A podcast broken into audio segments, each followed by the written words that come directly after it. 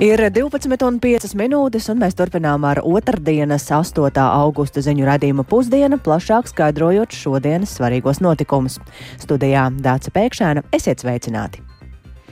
Ir pagājusi diennakts kopš vakardienas postošās vētras, kas pārņēma vairākus Latvijas novadus ar spēcīgu negaisu, lietu un krusu. Viens no visvairāk cietušiem novadiem ir Dobels novads, kur lausti koki, krusas, graudi sadauzījuši mašīnas un ēkas, kā arī nodarīti citi būtiski postījumi. Vētra prasījusi arī viena cilvēka dzīvību, bet vēl astoņi cilvēki ir cietuši gan no krītošiem kokiem, vienā gadījumā arī no jumta gabala, bet vēl trīs cilvēki ir cietuši no krusas graudiem. Valsts ugunsdzēsības un glābšanas dienests negaisa dēļ saņēma teju 3,5 izsaukumu visvairāk Rīgā, Daugopilī, Dobelē un Augšdaugavā. Dienests turpināja strādāt arī visu nakti, un ziņojumi par postījumiem esot pienākuši arī vēl šorīt no rīta. Mūsu korespondente Agnija Lazdiņa šobrīd atrodas tērvetē un ir aprunājusies ar iedzīvotājiem, kā viņi ir pārdzīvojuši šo negaisu. Sveika, Agnija, un saki, kādi ir pie tavi novērojumi ierodoties tērvetē un kāds šodien ir tas iedzīvotāju noskaņojums pēc saspringtās vakardienas? Labdien! Jā, nu paši pirmie novērojumi, kas jau krīt acīs, ir tas, ka iebraucot tērvetē uzreiz var pamanīt visus nolaustos kokus, un, un šobrīd var novērot to, ka cilvēki visi cenšas apjaust lielos postījumus, un es sazinājos ar tērvetes pagasta pārvaldes vadītāju Māri Berlandu, kurš, diemžēl, jau ir devies visādos darbos, un lai varētu šos postījumus sakārtot un ātrāk tos visus atrisināt bet eh, par postījumiem, kādi ir tērvetēji, paklausīsimies viņa citātā. Jā, nu tērvetēji ļoti plaši bojājumi dažādā ziņā, gan gāsti koki. Būtībā nav nevienas tādas vietas, kur nebūtu sagāsti koki. Gan dabas parkā postījumi ir, gan pašvaldības ēkām. Vakar mēs strādājām pie ceļu attīrīšanas kokiem. Būtībā visu dienu, līdz vēlam vakaram pa lietu. Paldies Dievam, esam iztikuši bez upuriem bet bojājumi ir gandrīz katrā mājasēmniecībā. Šobrīd atrodos tieši pie Tērutes pagasta pārvaldes, kur, kā pats Berlins sarunā izteicās, ka pagastas pārvaldes apkaime izskatās gluži vai noslaucīta, bet šeit es sastapu divas divas strādnieces, kas šobrīd veids dažādus darbus, lai tad proti noslaucītu ceļu un novāktu lielākus vai mazākus zarus.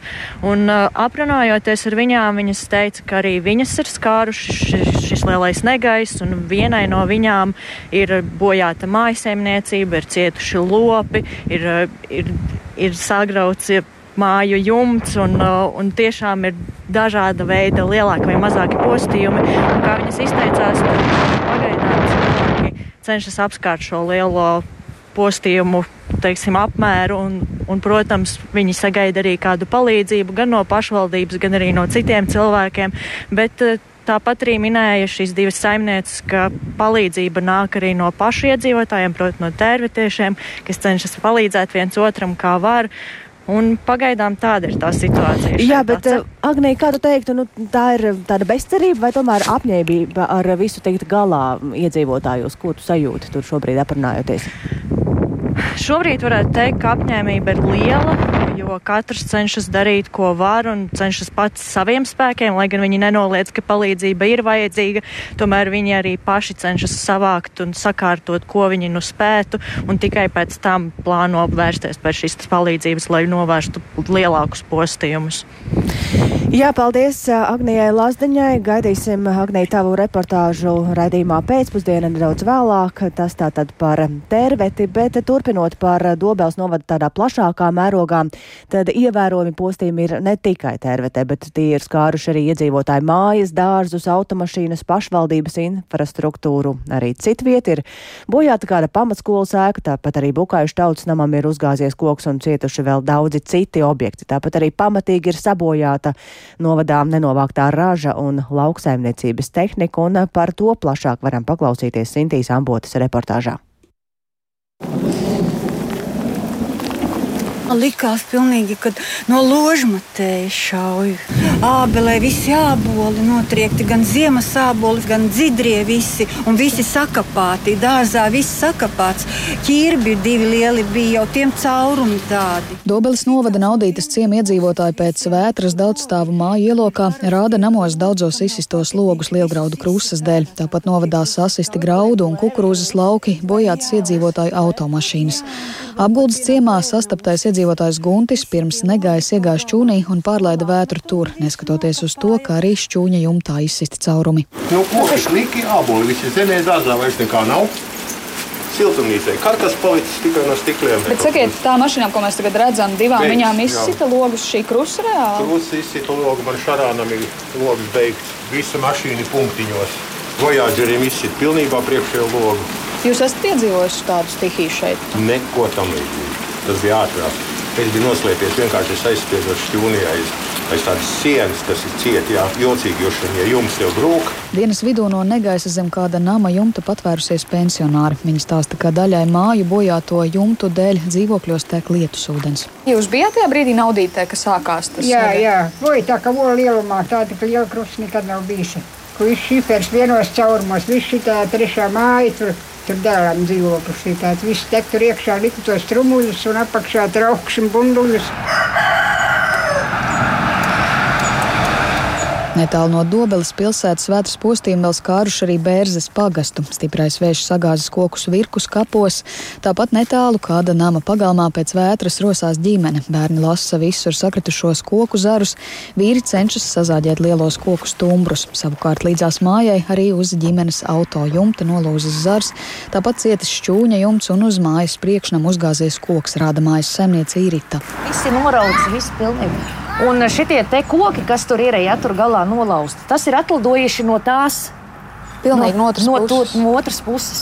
Viss tas nebija iekšā, viss tas bija aplokā, un suņi arī abi bija pēc tam bērns gāja, atbrīvoja. Un uh, otrā pusē jumtu uzlikām vēl uh, kūtī. Tagad viss to jāsauc atkal pa jaunu viss ir. Ir caurumi arī kaut kādā Jā, jā, jā, otrā pusē ir norauts. Dobeles novada pašvaldība vētras postījums raksturo kā ļoti smagus un bilst, ka bez valsts iesaistes ar sekām nevarēs tikt galā. Sinti Ambote, Latvijas radio. Tas tātad par Dobels novadu, bet vētra plosījusies arī Latgalē. Daugopilī ir nolausta vairāk nekā 70 koku, arī tur atbildīgie dienesti visu nakti ir strādājuši, lai atbrīvotu mājas, jumtus un ceļus, un daudz postījumu arī augšdaugavas novadā. Tur šobrīd atrodas arī mūsu Latgales kolēģi Silvijas Magare, kuru esam sazvanījuši un kur arī pati ir izjutusi negaisa sekas. Sveika, Silvija! Sveicināti! Uh, jā, nu jāsaka tā, ka pēdējo gadu laikā Latvijas pusē tas nu, ir tiešām lielākais negaiss, kāds ir piedzīvots. Turklāt interesanti, ka pēc negaisa locījās tādā ļoti īsā laika posmā.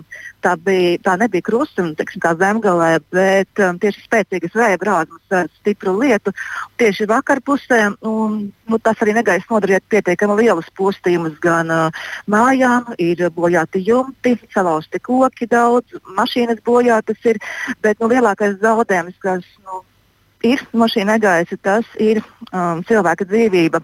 Un tas ir augstdaļgavas novadā Sventē, kur negaisa laikā tieši gāja bojā cilvēks. Un laikam būtu jārunā par to, mm, kā tad nācies un socies glābējiem, kādi postījumi tad ir nodarīti Latvijā, uz kādiem izsaukumiem nācās braukt. Tiem tad, lai stāsta valsts ugunsdzēsības un glābšanas dienesta pārstāve Latvijā, Sandra Rējiņa. Visvairāk izsaukumu aizdītajā diennaktī tika saņemta Rīgas pilsētā 86, Latgalē 77, Latgalē visvairāk saņēmām tieši uz Daugavpilu 40 izsaukumi, kā arī uz Augstdaugavas novadu 18 uh, izsaukumi. Koki ir krituši ne tikai uz ceļa braucamām daļām, bet arī uz elektrolīnijām. Augstdaugavas novada Sventes pagastā koks bija uzkritis cilvēkam, un jau pirms ugunsdzēsēju glābēja ierašanās notikuma vietā iedzīvotāji cilvēki bija atbrīvojuši un nodevuši neatliekamās medicīniskās palīdzības dienesta darbiniekiem. Nu, es teiktu tā, ka pēdējos piecos gados šī, manuprāt, ir tāda pirmā reize, kad ir tik daudz izsaukumu īsā laika brīdī. Jā, kā jau dzirdējāt, lielākie mm, izsaukumi vai lielākais skaits nācis no Dāngāpils, uh, kur mm, tātad krituši vairāk nekā 70 koki un joprojām cīņa ar šiem kritušiem kokiem notiek, jo pilsētā ir svarīgi, lai notiktu sabiedriskā transporta kustība. 18 izsaukumi bija fiksēti Augstdaugavas novadā, tostarp arī Višķi pagastā, kurā atrodos arī šobrīd es pati. Mm, tie lausti vairākie koki Višķi parkā, pie privātmājām. Nu, varbūt sākumā sāksim ar to, ko stāsta apkārtnes iedzīvotāji. Nu, tagad tos postījumus vācam. Jā, pēdējo gadu laikā tas no viens no lielākajiem. Vienā momentā uzpūta vējš, bet nu nebija ilgs. Es mūsu mājai uz uzpūta virsū ābeli vecu. Bašu spēkiem tiksim galā. Kaimiņos ar mums nogāza akāciju balto, bet tur sauca palīgus glābšanas dienestu. Nu, jā, runājot par šo glābšanas dienestu, tad tieši mūsu mājsaimniecībai nācās vērsties pie glābējiem, lai palīdzētu atbrīvot iebraucamo ceļu, jo vispār mūsu īpašumā ir bojāti divi koki, nolauzts pūpols un viena no divām lielajām baltajām akācijām, kas ir pie mājas iebrauktuves, un šī akācija krītot arī. Mm, tā nobloķēt ceļu, teiksim, tā nevaram tikt no mājas ārā. Ar glābēju palīdzību tika novākta šī stumbra lielās daļas, bet ar zariem, kur ir daudz, var jācīnās. Un tātad tas nozīmē, ka jācīnās gan iedzīvotājiem, gan liels darbs priekšā vēl arī glābējiem, jo joprojām, cik man zināms, valsts ugunsdzēsības glābšanas dienestā ir uh, vēl jātiek ar kaut kādiem pieciem aktuāliem izsaukumiem, jā, par sakartušo koku novākšanu no ceļiem. Un arī sadalas tīkliem vēl liels darbs priekšā, lai pilnībā atjaunot elektrības padevi, jo daudz vietu Latgalē tās joprojām nav. Mm -hmm. Līdz ar to arī pati personīgi esi ļoti tieši izjutusi šīs vētras radītās sekas. Jā, tieši tā, desmit gadu laikā, kad, kad šis īpašums višķos, tā ir pirmā reize, kad nācās vērsties pie ugunsdzēsības un glābšanas dienesta, jo tā ir situācija, ka tu nezini, kad māja faktiski tiek nobloķēta, ja netiek ārā, uh, bojās arī jumts, jāprauc arī interneta vats. Uh, nu, tās ir būtība. Jā, tas notika tiešām ļoti ātri, ļoti īsā laika sprīdī, bet paldies glābējiem, kuri tiešām kuri atbrauc gan pēc vairāku stundu pēc tā, kā tika izsaukti, bet arī to viņi teica, ka ļoti, daudz, ļoti daudz izsaukumu. Mēs arī paši manījām, ka brauca gan, gan glābēji, gan arī, arī neatliekamas medicīniskās palīdzības brigādes mašīnas brauca. Iespējams, arī cilvēkiem vienkārši bija. Mm -hmm Mm. Satraukums vai nervus slodinot no šī pārdzīvojuma. Jā, paldies eh, Silvijai Smagarai par ziņām no Latgales, tātad par situāciju tur un arī pašas piedzīvoto vētrām. Bet šajā brīdī ir sākusies valdības sēde, kurā vīdes aizsardzības un reģionālās attīstības ministrs Māris Sprindžuks no apvienotā saraksta ziņo par vētras postījumiem. Tiesa šajā sēdē visticamāk vēl nelems par konkrētu atbalstu sniegšanu negaisā cietušajiem iedzīvotājiem, jo nav pilnībā apzināti postījuma apjomi. Tā šorīt kolēģim Laurim Zvejniekam sacīja Sprindžuks, aicinot cilvēkus, kuriem ir zaudējumi, vērsties savā pašvaldībā un pēc tam arī valdību lūkos, kā var atbalstīt vietvarus un pēc kāda principa atbalstu sniegs. sniegs. Varam paklausīties fragmentu no Sprindžuka teiktā. Tur ir jāsaprot, ka ir jaunāki īpašumi, kas ir apdrošināti, ir lauksaimnieki, kuri ir rocīgāki, bet bija arī pavisam bēdīgā skatā, kur nedzīvo turīgākie cilvēki, bija vientuļi cilvēki mājas. Tur nu, nav nekāda varianta cerēt, ka kāds var to visu samaksāt. Līdz ar to mums būs kaut kādā veidā jāatbalsta pašvaldības, bet pašvaldībām būs jāgradē situācijas pēc smaguma un uh, jāveido kaut kāds ļoti specifisks atbalsts vai nezinu, izdevumi, jo tie mērogi nav īsti salīdzināmi. Man liekas, ka aizies nedēļa tikai apjēgt šo zaudējumus un, un sākt veidot aplēses par dažādām kategorijām. Tad uh, zaudējuma apmērs naudiskā izteiksmē par to vēl šobrīd ir pārāk runāt, tad apkopos informāciju, un tas varētu būt pēc nedēļas. Ja? Par agru. Un, uh, tas, ko es gribu teikt, manuprāt, valdībai pirmais, kas būs jādara, būs jānodefinē šī ārkārtas situācija vismagāk skatajos pagastos. Un uh, jāsaprot, kas vēl Latvijā ir noticis. Jo ziņas nāca arī no Sēlijas puses, no Madonas puses. Ja, mums ir jāsaprot, vai ir vēl kādas smagākas kartas vietas visā Latvijā. Arī šodien vēl būs ļoti spēcīgs vējš jūrā. Tā kā viss vēl nav beidzies. Un elektroapgāde, es domāju, arī tas mērogs ir tāds, ka tur vajadzēs divas, trīs dienas, lai to visu atjaunotu. Tad šodien būs tāda kā krīzes valdības sēde. Mums noteikti būs saruna, bet es neredzu, ka mēs varam nolemt kaut ko konkrētu, jo vienkārši es teiktu, mums ir jāsazinās dienestiem. Nu, teiksim, tā mums jāsanāk kopā, lai saliktu, saka, uz ko ir fiksējis. Ja? Un, un gala beigās pašvaldības viņš šobrīd ir aizņemts vienkārši atbrīvojot ceļus, palīdzot cilvēkiem, nezinu, gādājot plēves, tentus, un uh, viņam nav laika nu, sēdēt pie datora un kaut ko tur grupēt. Un arī cilvēki, viņš šobrīd nezvana pašvaldībai, viņi vismaz vakar visi bija uz jumtiem, viņi visi bija ar zāģi. Degtāla ministram Māra Sprindžuka teiktais, bet vai iedzīvotāji jau meklē palīdzību pašvaldībās? To jautāsim Madonas novadam, kur, lai arī nebija spēcīgās krusas, bet vēja brāzmas negaisā sasniedza 30 metrus sekundē, un tāpat arī tāpēc tika gāsti koki, ēkām norauti jumti un nodarīti citi postījumi. Šajā brīdī pie telefona klausulas mums Madonas novada pašvaldības domas priekšsādātāja vietnieks Zigfrīds Gors. Labdien! Labdien! Vai jūs esat apzinājuši jau, cik plaši postījumi ir jūsu pusē? Nu jā, mums tieši šorīt bija ārkārtas eh, sapulcs visu novada eh, apvienību un pagastu pārvaldniekiem. Un, principā, katrs arī ziņoja pēc, nu, pēc situācijas, ja, kāda šobrīd tad, tad ir. Un, eh, situācija nav viennozīmīga, kādā ir vairāk postījusi vētrā un kādā varbūt mazāk ir. Bet tad, tad ir gan Madonas pilsētā, gan Cesvēnas pilsētā ar mājām jumtu norauti gan, gan, gan daudz dzīvokļu mājām, gan arī mēs zinām, ka uzņēmējiem kādam ir norauts jumts. Un vēl zināms, ka arī pie Madonas privātu mājām šie jumti ir e, norauti nost.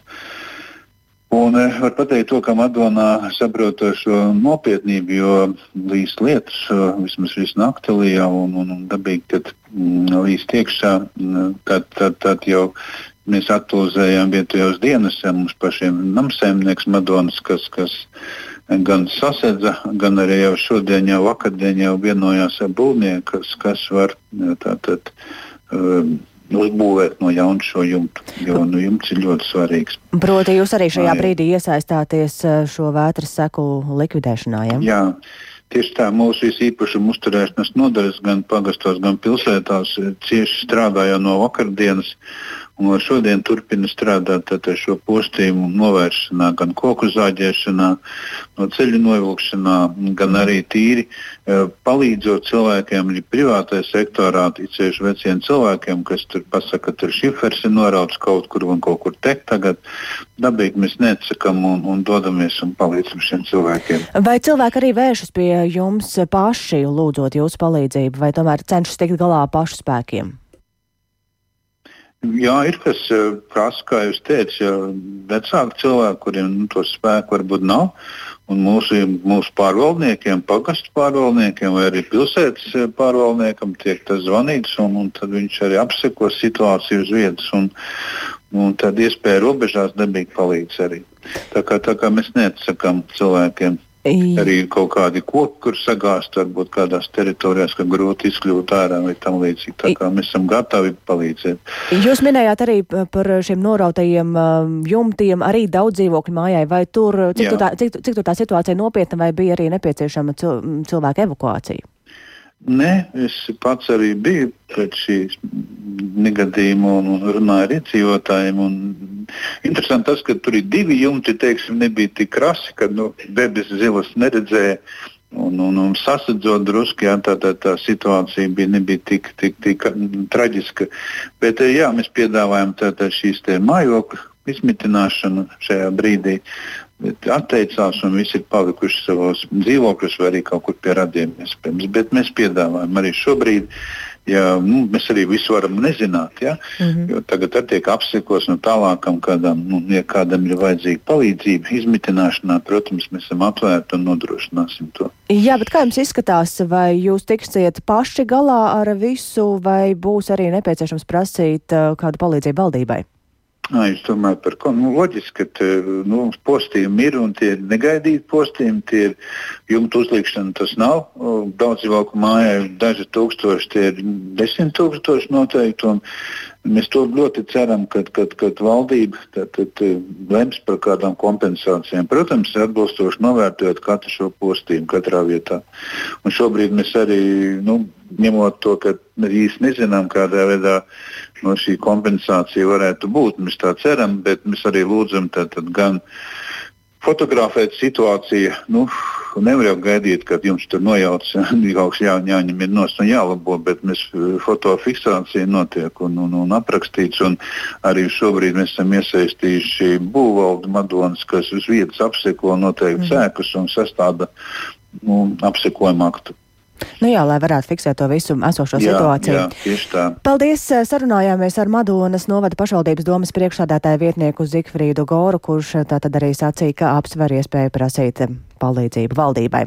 Bet viss iepriekš dzirdētais tikai liecina par to, ka arī apdrošinātājiem darba netrūks. Apdrošināšanas kompānijām tuvākajā laikā visticamāk nāksies atsaukt no atvaļinājumiem darbiniekus, lai tiktu galā ar visu vakardienas stihijas nodarīto postījumu un kompensāciju aplēsēm. Nu, tik karstu darba laiku paredz Latvijas apdrošinātāju asociācijas prezidents Jānis Abāšins. Un paredzams, ka kompensācijas nāksies izmaksāt galvenokārt trīs apdrošināšanas veidiem. Un Kuri tie ir, to ir gatava šobrīd stāstīt kolēģi Zana Eniņa, kur šobrīd pievienojas studijā. Labdien, Zani! Labdien! Nu, pagaidām gan apdrošināšanas atlīdzību pieteikumu esot ļoti maz, jo galvenais ir saglabāt to, kas vēl glābjams. Taču skaidrs, ka apdrošinātājiem patiešām būs eh, ļoti plašs darba lauks un galvenokārt īpašuma apdrošināšanā, tur, kur ir mājām norauti jumti un, un sadragātas pašas mājas. Kā teica Jānis Bāšins, klasiska nekustamo īpašumu apdrošināšana ietver apdrošināšanu pret dabas stihijām. Vēl noteikti sagaidāmi pieteikumi par atlīdzībām par krusas postījumiem sējumiem, un trešā lielākā pozīcija - autotransporta kasko apdrošināšana, jo arī tā ietver tādus riskus kā dabas stihijas un krītoši koki. Jānis Bāšins gan norādīja, ka auto brīvprātīgā kasko apdrošināšana ir tikai 35 līdz 40% auto īpašnieku. Paklausīsimies, ko viņš viņš akcentēja. OCTA apdrošināšana šī gadījumā pilnīgi viennozīmīgi nelīdzēs, jo OCTA tas nozīmē to, ka ja es kādam nodaru pāri, tad apdrošinātājs manā vietā maksā. Bet šeit jau daba man ir nodarījusi pāri, tā kā šeit tikai brīvprātīgais kasko apdrošināšanas veids ir tas, kas līdz. Pēc Jāņa Bašina teiktā kopumā Latvijā apdrošināta aptuveni puse visu dažādu veidu īpašumu. Un, ja runa ir tieši par lauksaimniekiem, lai novērtētu viņiem nodarītos zaudējumus, tieši pašlaik ceļā uz šķietam visvairāk izpostītajiem apvidiem, uz tērvetes un dobeles pusi, ir lauksaimniecības organizāciju sadarbības padomas vadība. Kaut gan pagaidām kopējais zaudējumu apjoms vēl tiek aplēsts, jo tagad visai droši varot teikt, ka materiāls atbalsts būs jāprasa valdībai. Lūk, ko teica padomas valdes priekšsēdētājs Guntis Gūtmanis tie postījumi ir daudz lielāki nekā ir apdrošināti. Mēs, mēs šobrīd, nu, tas, kas ir aktīvākais um, periods, mēs arī kopā ar lauka atbalstu dienestu uh, mēģināsim saprast, kādā veidā nu, precīzi noteikt, kādi tie zaudējumi ir, cik hektāri, kam uh, labībai, ēkām, tehnikām. Un tā situācija ir ļoti, ļoti dažāda. Ir saimniecības, kas būs visu apdrošinājušas, ir tādas saimniecības, kas nebūs neko apdrošinājušas. Runājot par eh, varbūtējiem kompensāciju naudas avotiem, eh, finanšu ministrs Arvils Ašerādens no jaunās vienotības jau iepriekš ir izteicies, ka gadījumā, ja radīsies vēl kādas vajadzības, finanšu resursi esot izsmelti. Atgādināšu, ka to viņš pauda tad, kad papildus nauda citu ministriju budžetos tika meklēta veselības nozares vajadzībām.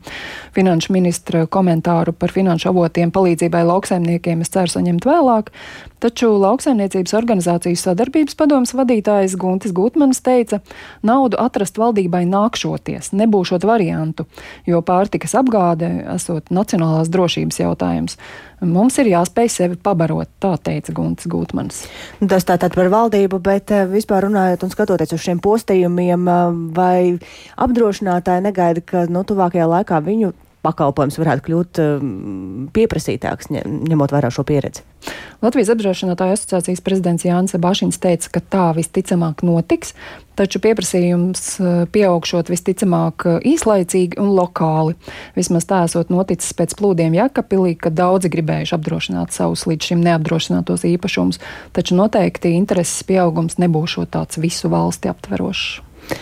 Paldies Zanai Eniņai par šo skaidrojumu. Tātad dzirdējām, ka apdrošinātāji gaida, ka viņiem darba tuvākajās dienās netrūks, un ar to tad arī šobrīd izskan raidījums pusdiena. Producenta Ilza Agīnta ierakstus montēja Krišjānis Tikāns, par labskaņu rūpējās Jāna Dreimane, un ar jums sarunājās Dāca Pēkšēna.